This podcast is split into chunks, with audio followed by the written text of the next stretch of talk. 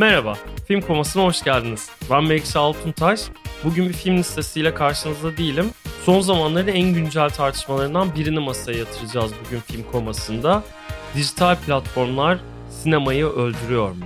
İşte bu kadim sorunun cevabını hep birlikte arayacağız, didikleyeceğiz biraz bu meseleyi. Ve aslında rahat rahat konuşacağız. Daha doğrusu ben konuşacağım, siz de dinleyeceksiniz mecburen bu format gereği.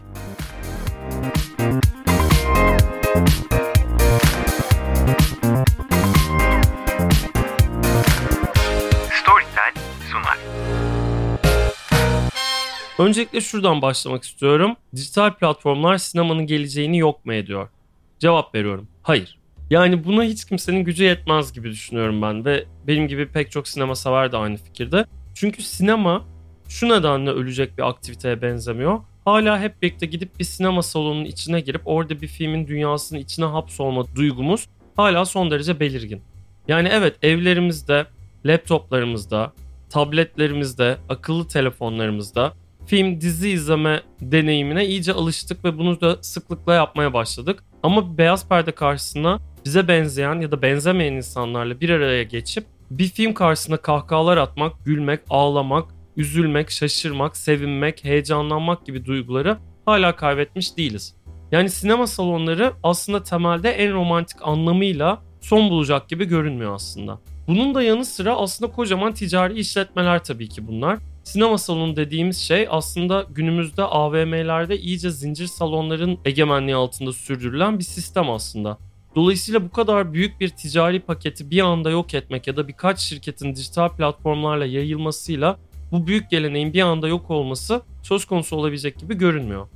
Ha ne olur belki sinema salonları yavaş yavaş para kaybetmeye başlar. Ufaktan kapanmaya başlar. Zincir salonlar para kaybetmeye başlar. Salonlarını ve lokasyonlarını küçültmeye başlar. İşte o zaman bir tehditten söz edebiliriz belki. Ama şu anda ne Türkiye'de ne de dünyada tam olarak böyle bir tehditin varlığından %100 bahsetmek mümkün görünmüyor. Dijital platformlar büyüdü, yayıldı, izleyici alışkanlıklarını değiştirdi ve hala da yayılmaya, büyümeye ve yeni örnekleri her geçen gün artmaya devam ediyor. Fakat bir yandan da sinema salonları bilet kesmeye devam ediyor. Hala izleyici rekorları kırılıyor. Hala gösterime giren, merak ve heyecanla beklenen pek çok film milyonlarca insan tarafından gidip sinema salonlarında izleniyor. Bu bağlamda aslında sinemada film izleme geleneği yakın gelecekte bitecek gibi görünmüyor. Bunun nedenlerinden biri de aslında dijital platformlara içerik üreten yönetmenlerin, yapımcıların da hala filmlerini sinema salonlarında göstermek ya da bu filmleri sinema salonu perdesi için yapmaya devam ediyor olmaları.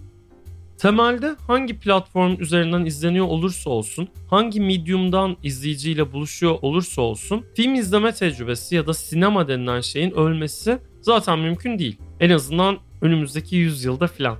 Fakat sinemayı nereden izlemeyi tercih ettiğimiz evet biraz şekil değiştiriyor olabilir. Şunu gönül rahatlığıyla söylemek mümkün değil aslında. Kocaman bir beyaz perdede film izleme tecrübesini ben kendi akıllı telefonumdan da elde ediyorum gibi bir cümleyi kurmak çok mümkün değil. Bu biraz sinemaya ya da sanata nereden baktığınızda da değişen bir konu aslında. Meselenin detayında biraz isim isim ya da şirket şirket gezmek mantıklı olacak gibi görünüyor. Örneğin Netflix.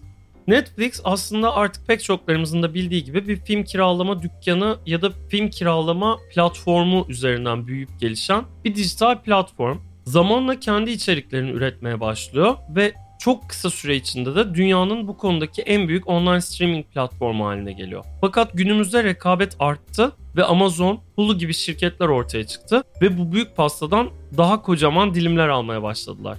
Günümüzde artık Apple TV Plus da yayın hayatına başladı. Çok yakında Disney ve HBO gibi markalar da bu platforma girecek ve rekabet iyice kızışacak.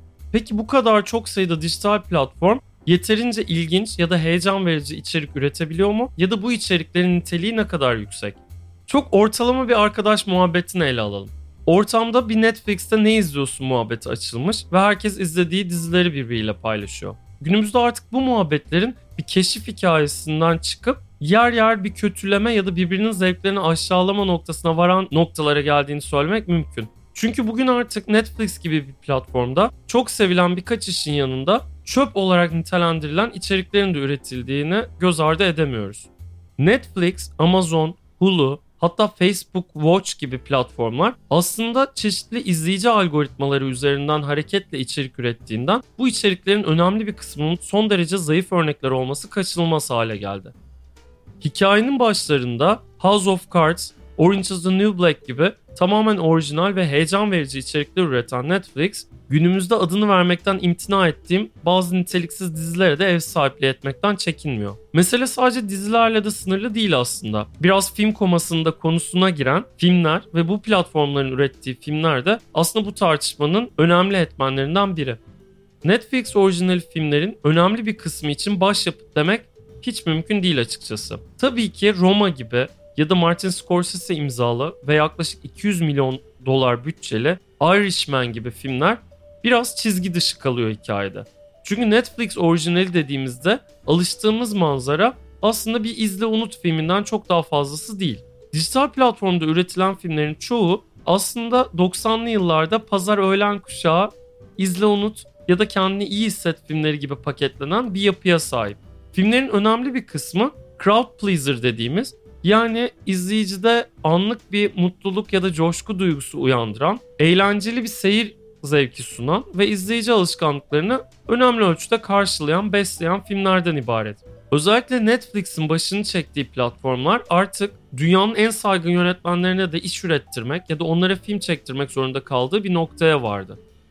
Alfonso Cuarón imzalı romanın Oscar dahil olmak üzere çok sayıda ödül ve adaylık kazanması dünyanın en prestijli film festivallerinden biri olan Venedik Film Festivali'nden Altın Aslan ödülü kazanması aslında bu tartışmada Netflix'in bir platform olarak iddiasını da ortaya koyan bir örnek.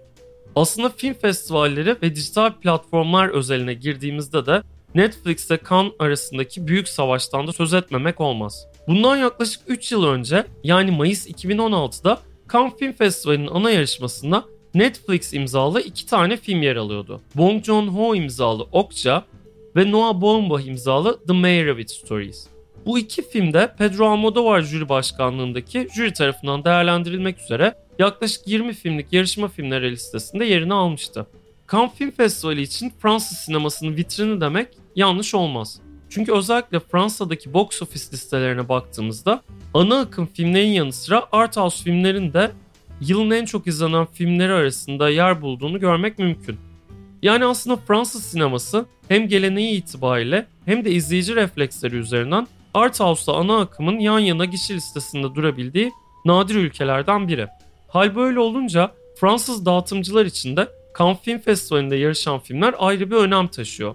Çünkü aslında Türkiye'de ancak 5-10 bin izleyiciye ulaşabilen filmler Fransa'da yaklaşık 1 milyon izleyici tarafından izlenebiliyor. Bunun en tuhaf ve Türkiye açısından en can acıtıcı örneklerinden biri de Nuri Bilge Ceylan filmleri.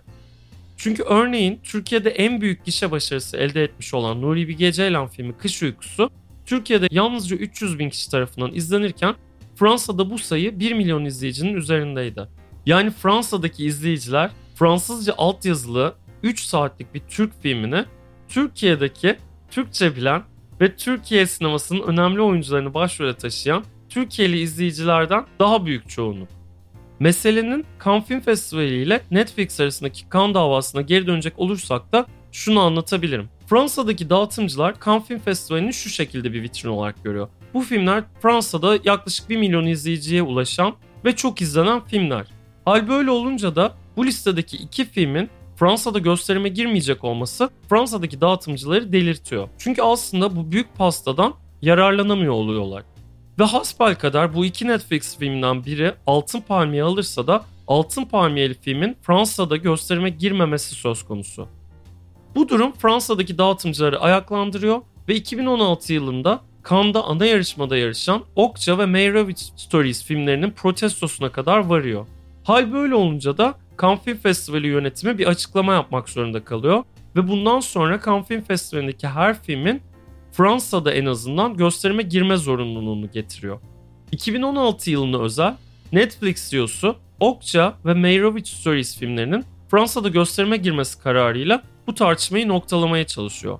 Ancak Cannes Film Festivali yönetmeliğini değiştirerek 2017'den itibaren yarışmadaki her filmin Fransa'da gösterime girmesi zorunluluğunu yönetmeliğe eklemesiyle Netflix cephesinde bir gözdağı kartı oynanıyor. Netflix 2017 itibariyle bir daha hiçbir filmini Cannes Film Festivali'ne vermeyeceğini açıklıyor. Hatta hızını alamayan CEO'muz sinemanın geleceğinin Netflix olduğunu ve filmlerin artık evlerde ya da online streaming platformları tarafından izleneceğini söylüyor. Tartışma bu noktada Cannes Film Festivali yönetimi ya da Fransız dağıtımcıları da aşıyor ve aslında Netflix'e karşı dünya çapında sinefiller cephesinde de bir tavır takınılmaya başlanıyor. Benim de o yıl yerinde takip ettiğim Cannes Film Festivali'nde Okça filminin hemen başında Netflix logosu perdeye yansıdığında salonda yuhalamalar olmuştu. Aynı şekilde Meyrovich Stories gösteriminde de Netflix logosu bu gibi seslerle uzun süre yuhalanmıştı. Sinefiller de tavır takındı ancak Netflix politikasında değişen bir şey olmadı. Nitekim 2016'dan sonra bir daha hiçbir Netflix filmi Cannes Film Festivali'nin ana yarışmasına seçilmedi. Hatta aynı yıl Pedro Almodovar jüri başkanı olmasına rağmen soğukkanlılığını yitirdiği şöyle bir açıklamada bulundu. Ben Netflix yapımı olan bu iki filmi değerlendirme dışı tutacağım. Aslında bu hikayede olan sadece bu iki filmin yönetmenine yani Bong Joon-ho ve Noah Baumbach gibi iki saygın yönetmene ve bunların filmlerine oldu. Çünkü Cannes Film Festivali'nin ana yarışması gibi bir vitrine çıkmış olmalarına rağmen hem jüri tarafından değerlendirme dışı tutuldular hem de iki harika film olmalarına rağmen hemen başında izleyici tarafından da yuhalanma kaderini paylaştılar. Bu tartışmalar Cannes Film Festivali'ne ne kazandırdı ne kaybettirdi. Biraz bunu düşünecek olursak da şöyle bir sonuca varıyoruz. Alfonso Cuarón'un Roma filmi ki Alfonso Cuarón tahmin edersiniz ki herhangi bir filmiyle Cannes Film Festivali'nin ana yarışmasına seçilebilir bir yönetmen. Filmi Roma'yı Cannes Film Festivali'nde açamadı. Ne oldu? 2017 yılında Cannes Film Festivali'nde Roma gibi bir filmden mahrum kalındı. Roma'da gitti. Mayıs ayından birkaç ay sonra Eylül ayında Venedik Film Festivali'nde açıldı ve bununla da kalmayarak festivalin en büyük ödülü olan Altın Aslan'ı kucakladı. 2017 yılında Cannes Film Festivali'nin ana yarışma listesi de çok parlak olmayınca tartışmaların önü alınamadı. Bunu takip eden yıllarda Netflix, Amazon, Apple gibi dijital platformların ürettiği saygın yönetmenlerin imzasını taşıyan filmler bir daha Cannes Film Festivali listesine girmedi. Ama bu filmler Berlin'de, Venedik'te, Toronto'da, Sundance'te yarıştı ve önemli ödüller ve övgüler kazandı. Şunu rahatlıkla söyleyebiliriz ki dijital platformlar önemli sinemacılara yatırım yapmaktan çekinmiyor. Örneğin Martin Scorsese gibi Amerikan sinema tarihinin yaşayan en efsanevi yönetmenlerinden biri, yıllardır üzerinde çalışmasına rağmen geniş bütçeli son filmi The Irishman'e hiçbir büyük şirket tarafından yapım desteği alamıyordu. Ne oldu? Netflix bir anda 200 milyon doları Martin Scorsese'nin önüne serdi ve Martin Scorsese başrollerini Robert De Niro, Al Pacino ve Joe Pesci'nin paylaştığı bir efsanevi hayaline Netflix sayesinde ulaşmış oldu. Bu filmi çekti, tamamladı ve film dünya premierini gerçekleştirdi. Hem eleştirmenlerden hem de izleyicilerden bolca övgü aldı.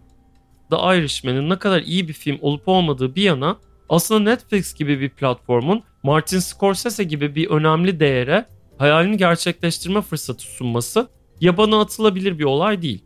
Aynı şekilde Bong Joon-ho gibi bir saygın yönetmene ki kendisinin son filmi Parasite'ın Kanda Altın Palmiye aldığını da hatırlatalım. Alanı açması ve ona aslında herhangi bir yapım şirketinin veremeyeceği paraları vererek bir hayalini gerçekleştirmesine vesile olması aslında son derece önemli bir şey. Netflix aynı zamanda hem art house hem de ana akım sinemanın en önemli yönetmenlerinin son filmlerine ev sahipliği yapmaya devam ediyor. Aynı şekilde Amazon'da, Apple'da, Hulu'da önemli yönetmenlere film çektirmeyi ihmal etmiyor. Bu durum aslında bu dijital platformların prestijine de yarıyor. Aslında tamamen bu prestij meselesi yüzünden yapılan filmler olduğunu da söylemek mümkün. Netflix de sonuçta Martin Scorsese'nin kara kaşına kara gözüne vermedi bu 200 milyon doları. Bunu hepimiz biliyoruz ve görüyoruz. Aptal değiliz. Fakat bir sinema sever olarak çok sevdiğim bir sinemacının hayalinin gerçekleşmesi ve yapmak istediği filmi yapması hangi platform tarafından öne ayak olunursa olunsun benim kişisel olarak destekleyebileceğim bir şey. İşin içine bir de genç yönetmenlerin de desteklenmesi gibi bir durum girince aslında bu dijital platformların desteklenmemesi pek mümkün görünmüyor. Peki bu online streaming platformlarının vampirlikleri yok mu? Elbette var. Başta da sözünü ettiğim gibi aslında kendi izleyici algoritmalarına yönelik işler üretmeleri tabii ki bu şirketlerin yaptığı en zayıf ve vizyonsuz hareket. Fakat bu içeriklerde kendi dijital platformları içerisinde elenip gidiyor zamanla. Demek istediğim aslında sinemanın geleceğinin ölmesi dijital platformların yayılması ve yaygınlaşmasıyla olacak iş değil. Ne zaman ki dünyada nitelikli işler üreten yönetmenlerin sayısı azalır, sinema bence ancak öyle ölür.